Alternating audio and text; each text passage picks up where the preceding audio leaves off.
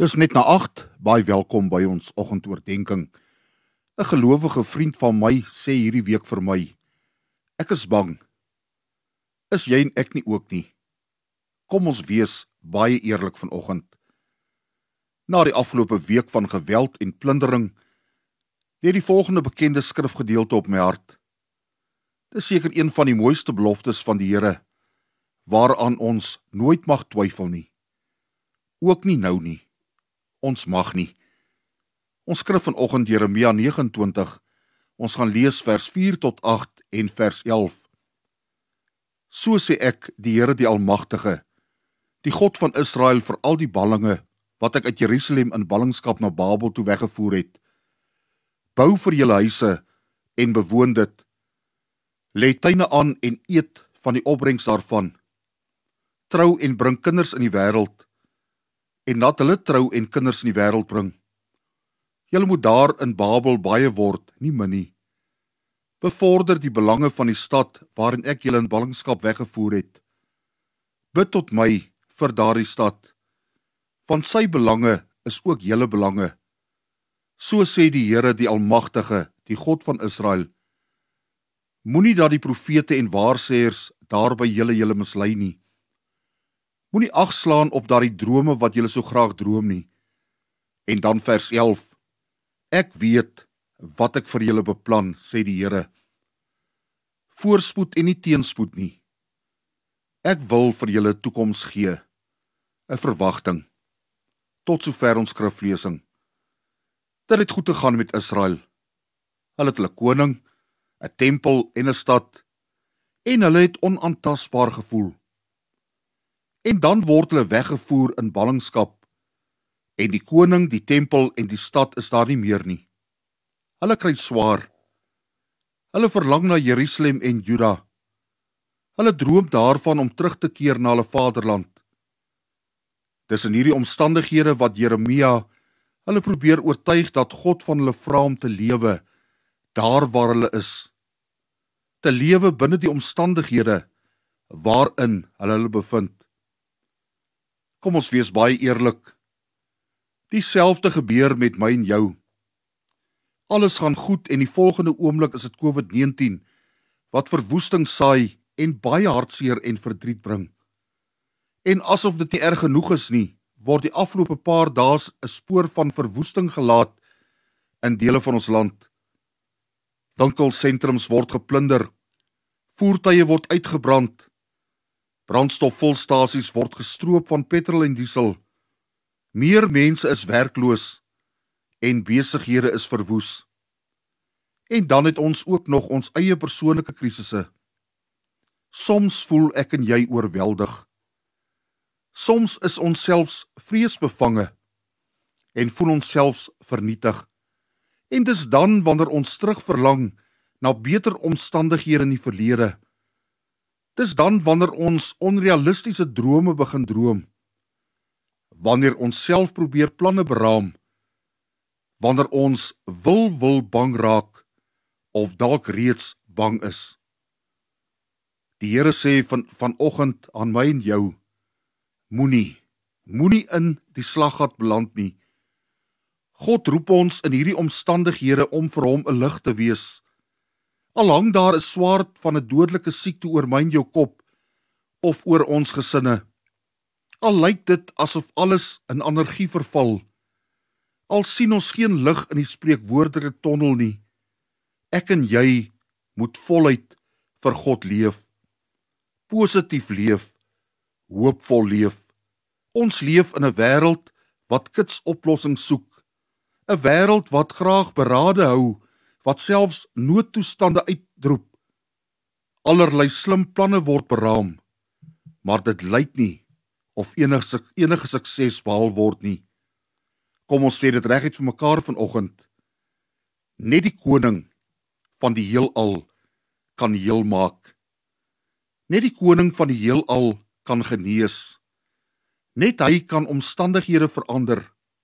Net koning Jesus is die oplossing. Dit is wat God vanoggend vir my en jou wil sê. In God is daar 'n toekoms en hoop.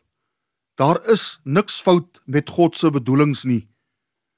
Hy wil vir my en jou voorspoed gee, nie teëspoed nie. Hy wil vir ons 'n toekoms en 'n verwagting gee. Maar ons moet onthou, dis nie altyd soos ons dit wil hê nie. Dis ook nie altyd in ons leeftyd nie of binne ons tydraamwerk nie. God wil hê dat ons hom sal soek, dat ons na sy wil sal vra, dat ons moet bid, glo en vertrou. Soos een van ons luisteraars, ouma Elle van Jaarsveld, vir my hierdie week sê, as jy bid en iets vra, moet jy nie bang wees nie, maar glo dat jy dit gaan kry. En dan moet ons by sy besluit berus. Onthou jy verlede week se boodskap? Ansie Leroux en haar familie moes 14 keer die Here se nee hoor voordat hy ja gesê het. God sal antwoord. God sal vir ons uitkoms gee. Ek en jy moet net aanhou en volhard. Ons mag nie moedeloos word nie. As jy dink dat jou lewe geen betekenis het nie, lees weer die volgende verse. Jeremia 29 vers 11 tot 13. God het 'n blink plan vir jou. 1 Johannes 4 vers 16. Jy is die voorwerp van God se liefde. Matteus 10 vers 29 tot 31. God weet van elke haartjie op jou kop. Johannes 10 vers 10. Daar is oorvloed van lewe vir jou. Lukas 12 vers 15. Jou waarde word nie bepaal deur wat jy het nie. En dan Deuteronomium 32 vers 10. Jy is God se oogappel. Die realiteit is ons almal is in ballingskap op aarde. Hier is ons vasgevang in 'n in stikkende omstandighede. Ons kry seer. Ons word hartseer. Ons word moedeloos en dan verlang ons dalk maklik terug na die verlede. Wat ons nooit moet vergeet nie, is dat ek en jy hemelse burgers is. Ek en jy is net pelgrims of reisigers deur hierdie wêreld. Ons verlange moet na ons hemelse vaderland weet, wees, want dis waar ons toekoms is.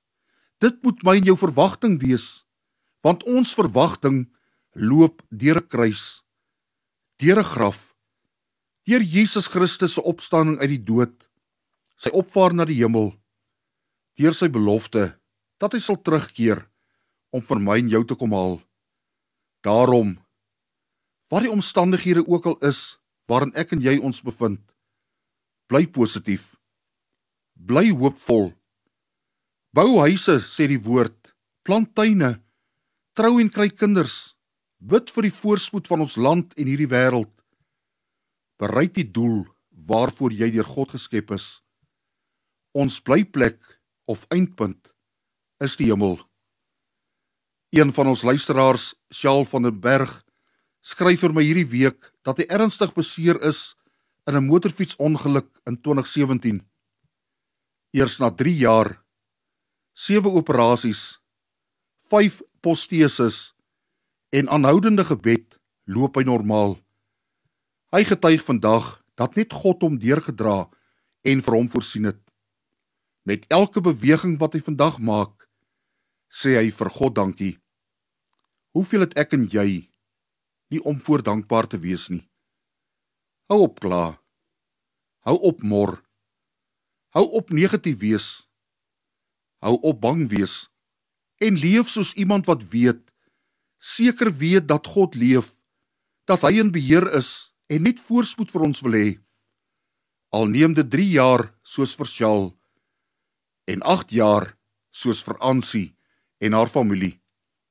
Mag die Here vir my en jou in hierdie onstuimige tyd vrede gee. Hemelse Vader, daar is soveel gemoedsrus vanoggend in u woord opgesluit. Dankie dat u ons elkeen spesiaal laat voel. Dankie dat daar 'n plan en 'n visie was toe u ons in ons moeder se skoot gevorm het, toe u ons daar aan mekaar gewewe het. Help ons om positief en hoopvol te leef in die wêreld waarin u ons geplaas het. Help ons om ons oë op u gefestig te hou, die begin en volëinder van ons geloof. Ons bid vanoggend dat daar kalmte en vrede in ons mooi land sal kom en dat hierdie pessiekte wat ons so ontwrig die wyk sal neem. Ons bid dit in die naam van Jesus Christus en met danksegging. Amen.